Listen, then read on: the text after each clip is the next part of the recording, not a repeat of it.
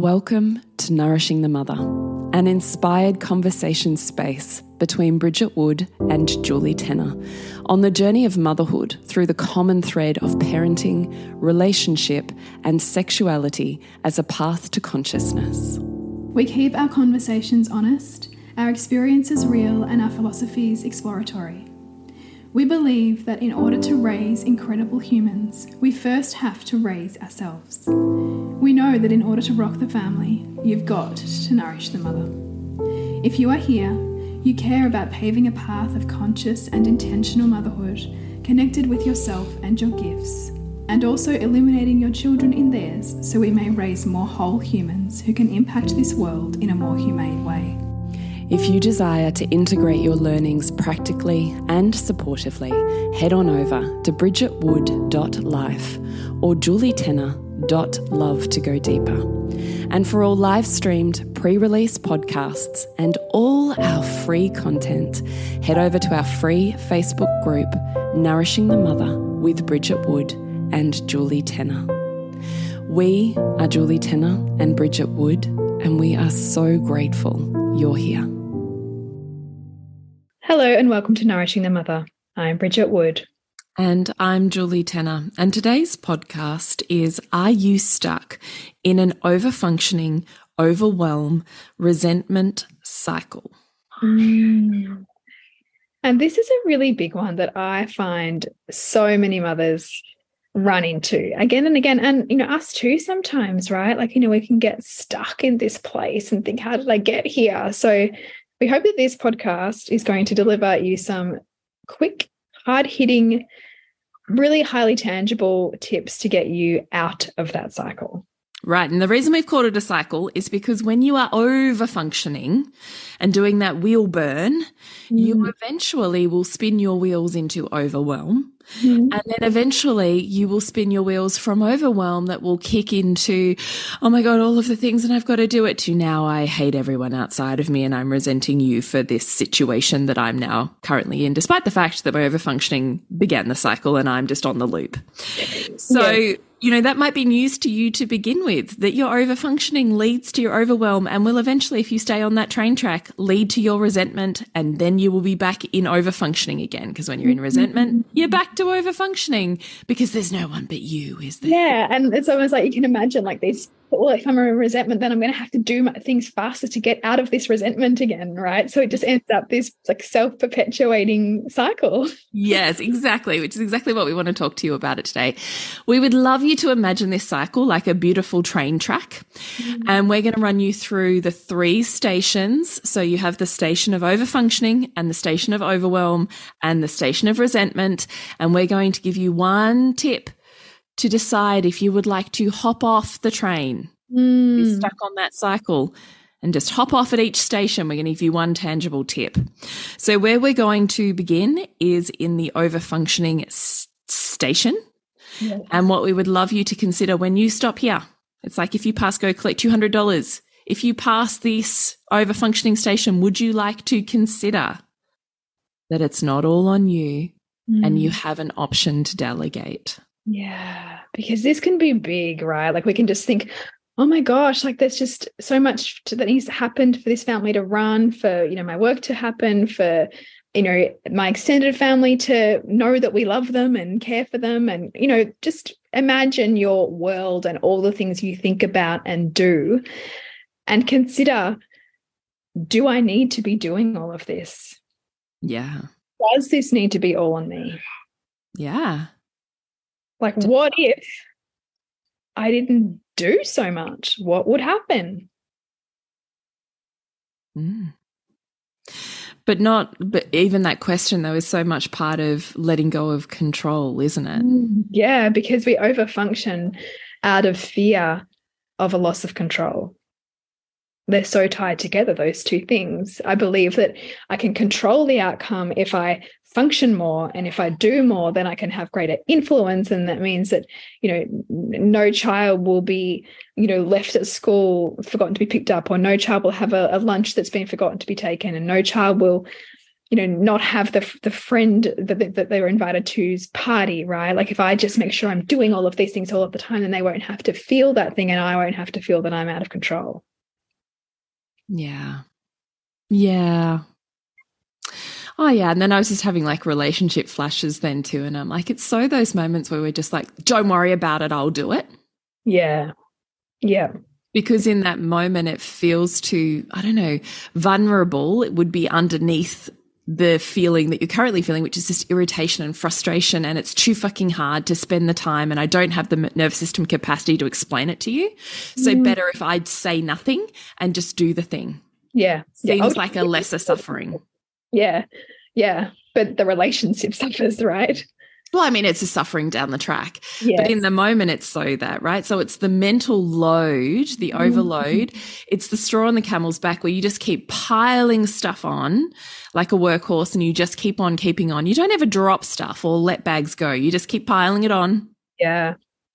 And it's the, well, don't worry about it. I'll do it. It's like that whole want something done, give it to a busy person kind of thing, right? It's the just, were. I'll just add more to my already massive yeah burden whatever yeah so i think the overfunctioning can be such an interesting mix kind of between being afraid of vulnerability mm. and therefore plastering over the top with a whole lot of control patterns so you don't ever have to reach the vulnerability. Yes. And also too how much worth do I attach to how much I can do as well? Like if I just yeah, more then I also feel like I'm worthy you know in this world if i do more or, or be seen to be you know have this ship sailing in this direction under my stewardship and complete control. Totally. And we also have to realize that when we're over functioning by virtue of just doing more and taking on that load and doing those things and not communicating to anyone outside of us, we train those people around us to underfunction in the mm-hmm. areas that we overfunction. Yeah, so this is the most interesting thing too in a family dynamic is that you've got pairs of opposites conserved all the time in, in balance. And so if you've got someone who is likely the mother really just over functioning, then someone has to be balancing her in the in the dynamic. You know, it might be her partner, it might be one of the children, and you know, may well be the child who could be stepping up more, but there's some part of you that can't let them, and so you continue to overfunction for them, and it continues to train them to be juvenile and dependent. Mm. You know, perhaps a lot longer than they need to be. Yeah, totally. In fact, I had this I had this conversation with my husband actually just yesterday. Was last I mean we we had we had a run of sickness. Lola broke her arm. It was messy, messy, messy. And then kids went back to school and they got the there was this virus going around the schools. I've had sick kids home. And last week there were three days when my youngest two were home with tonsillitis and fevers and all the things. And in my perception, it wasn't even a consideration whether Nick would stay home or not. He just went to work. Yeah. And so I was at home with the sick kids. I, I mean, I still have work. Yeah. But somehow in that equation, there was no like that was our fallback there, there was no con there was no and this also really gets me too because it just does almost like an unspoken rule in many families just tend to fall back to the woman to the mother. Yeah. So I was having this real, I really started to, the first day that it happened, I didn't know they were going to be home for three days. I was like, no, this is cool. I can ditch all of my work today and this just gets to be kind of enjoyable. Yeah. But then when, it, uh, by the end of that day, I was starting to get a bit like naggy. I'd started to move into the overwhelm cycle because there was all this shit from my work that I just left to the side so that I could parent. And now that felt like a beast that was chasing me and my overwhelm anxiety yes. started. Yeah.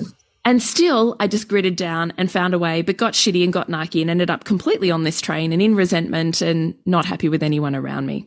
Anyway, cut to the chase. So I recognized this was on me. In actual fact, has nothing to do with Nick. This is on me.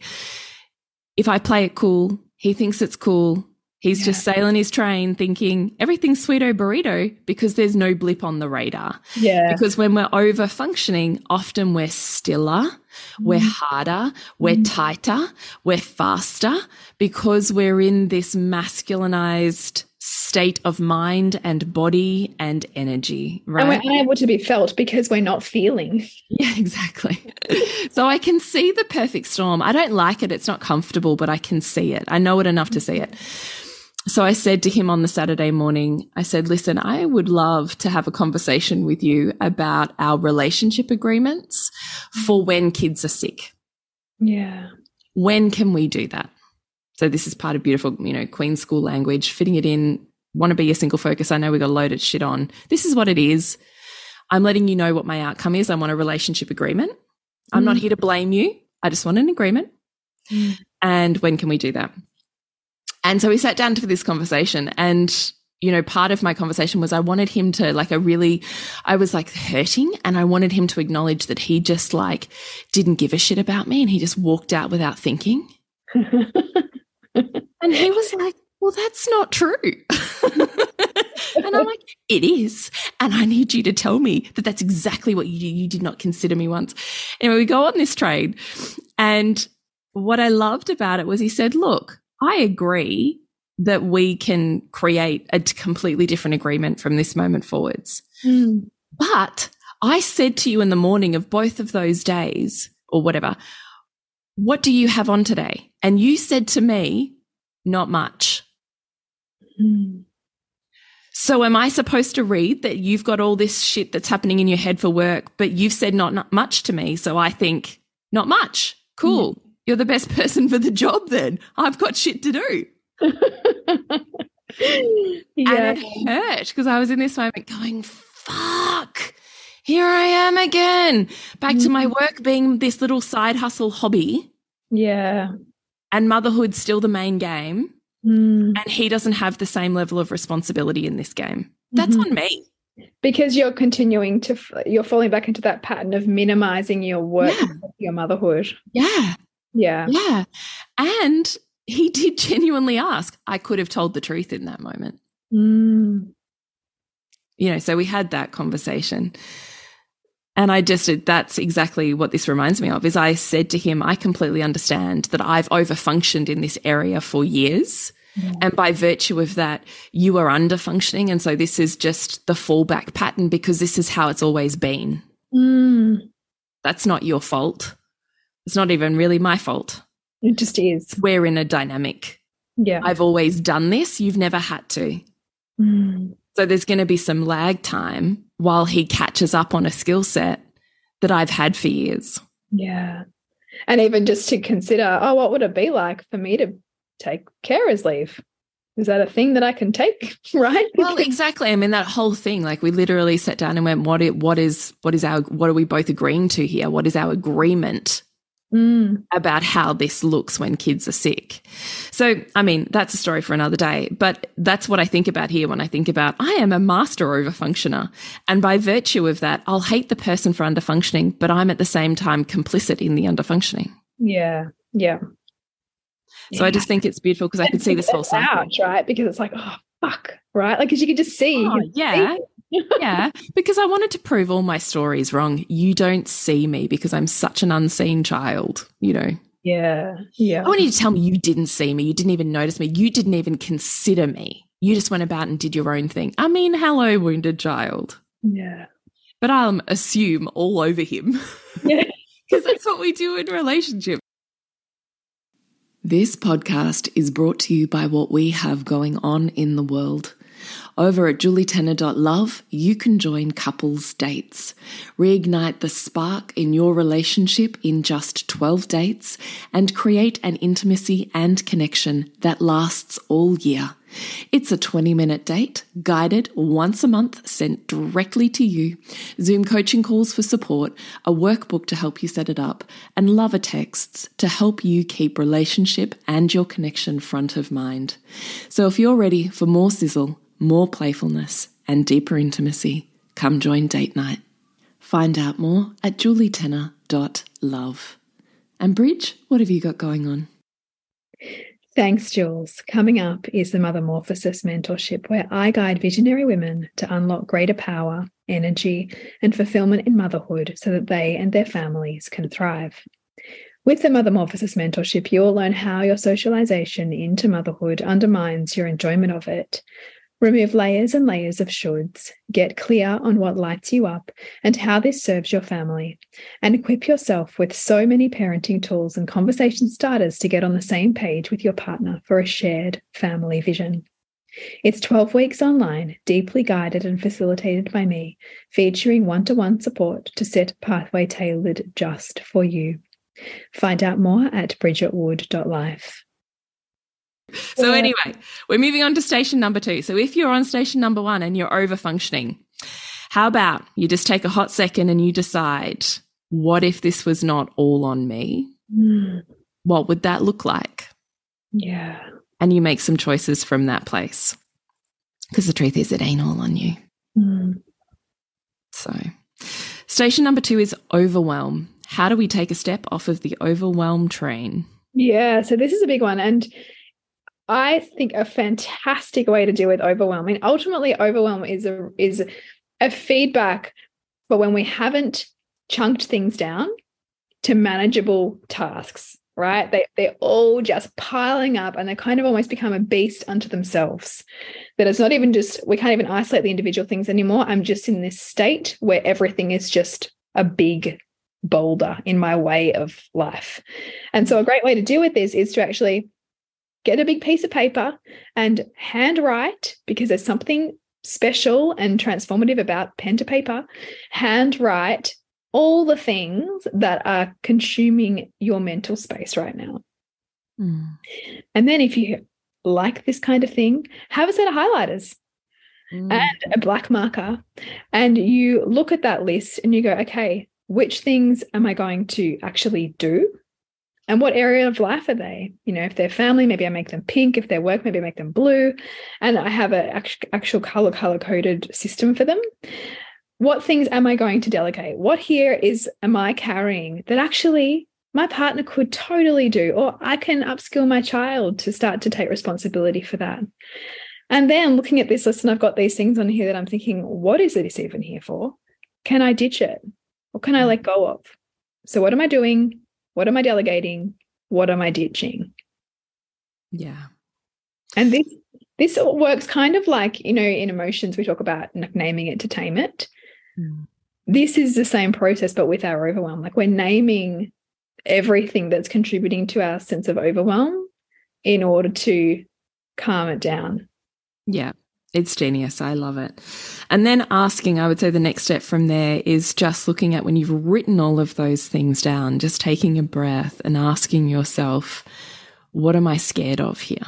Because mm. overwhelm, I think, is also like an anxiety cycle. There's a fear that we're running from, and that overwhelm can manifest in many different ways, right? It can be a fight, flight, or a freeze, or a fawn response, right? Any of those mm-hmm. things can be happening in overwhelm. Yeah. Which means we've got a fear that's running us right now.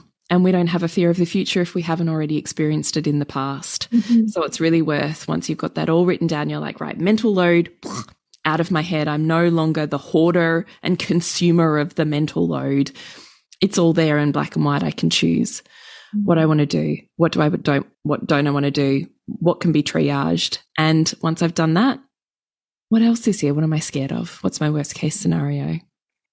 And yeah, what do I have to feel now that now that I've got a handle on that? What am I being asked to feel? And potentially this cycles, this goes back to the overfunctioning and going, wow, like I see all these things that I've been doing because that's been who I am and who I've always been. What's beneath that? if I don't do all these things, what do I have to face? Because we can also become addicted to the chemical cocktail that is overwhelm as a pattern and a way of doing life that protects us from our own vulnerability. Totally. Totally. So, if you end up on station number three, which is the resentment station, then we want to talk to you about what that might look like here. So, mm-hmm. resentment is going to come up when you've lost yourself in the thing. Yeah. Yeah. So when you're so so in it, a little bit like what Julie was talking about with her story um, around her husband and around work, is to actually go, okay, I'm resenting you for what you reflect back to me that I'm holding on to. How can I actually name that for myself and recognize this actually isn't about you anywhere near as much as I think it is. It's that you're representing to me all the ways I'm frustrated, that I'm perhaps not communicating, that I'm perhaps afraid of communicating because of what it might mean or not mean. And then if I was to let this go, what would be possible? Mm. So, you know, you're in resentment when you have reactions that seem out of the blue or a bit exacerbated or your, your fuse is shorter. When you start to blame others, when you really, I find, not available for connection, like there's no part of you that wants to connect. You're more like got the barbs out, like, get away from me. Mm. Or it's all your fault. Yeah, and you and you find yourself justifying. You know, when you're like, yeah, yeah, totally. yeah, totally. For all of like the reasons to keep your armory up. Yeah, totally. So, a couple of questions that Bridgie and I thought about when we were here and we were deciding what we were going to talk about tonight, and I loved both of these questions. Is why am I here again? Mm. Which kind of is another way of asking exactly what Bridget said bef before is, yeah, okay, there's all of this stuff, but what is it representing to you? Like, why am I here again?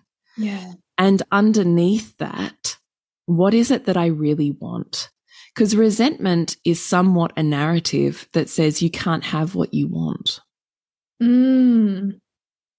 Yeah. So, what is it you really want? Because I'll bet you actually it's not that hard to get. It's just that you're running a story from the past. Yeah. Where you didn't have that thing. Like me with Nick, right? I'm running the story that he didn't see me and he didn't consider me.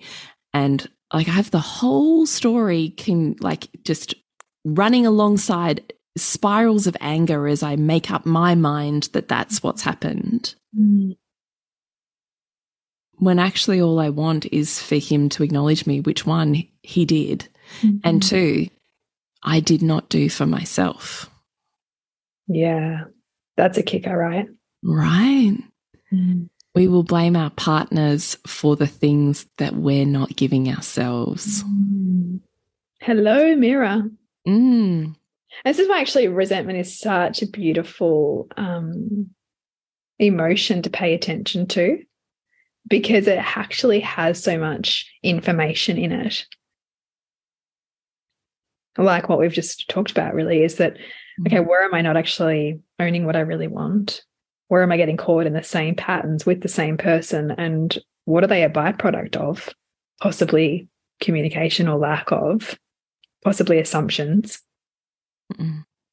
lack of boundaries or prioritizing or you know self responsibility on part of everybody in this dynamic. Mm. Totally. So, just to recap, if you're stuck in the overfunctioning, overwhelm, and resentment cycle, first off is just to realize that they're a complete circuit and you are going to keep staying on that circuit if you don't choose to take a step off at either one of those stations. And you can at any one of those stations, it is never too late. Yeah. So if you're in overwhelm, it's not all on you. What can you del- sorry, if you're in overfunctioning, it's not all on you. What can you delegate? If you're in overwhelm, write it all down. Decide what you're keeping, what you don't need to do. It's pointless and what can be done differently yeah. or delegated. And number three, if you're in resentment, then we really want you to ask, why am I here again? And what is it that I really want? Mm. and give your make sure you're giving yourself that thing first and then see if there's a tiny pathway in to for others from that point. Yeah beautiful. So to connect with you jules is julietenner.love. And at the moment, you can join couples dates, which is a date a month combined with some beautiful support to really reignite spark and chemistry and passion in a super easy 20 minute date. So you can find out more about the couples dates at julietenner.love. And Bridgie, what do you got going on? I have got Mothermorphosis, which is a 12 week program and mentorship, really all about unlocking greater power in your mothering, finding the energy again that you really love to bring to your mothering, but perhaps have lost, and finding more fulfillment so that you and your families can thrive. Find out more about that at bridgetwood.life. Remember to nourish the woman to rock the family. And we'll see you next week when we continue to peel back the layers on your mothering journey. Thank you so much for listening. We literally couldn't do this without you. Please share this podcast with anyone you think it would be medicine for. If you desire to integrate your learnings practically and supportively into your life, then head on over to bridgetwood.life or julietenner.love to go deeper. And if you feel like giving back a little to this free content, please rate us on iTunes or Facebook, all of which helps the podcast reach more mamas who need this type of tonic for the soul.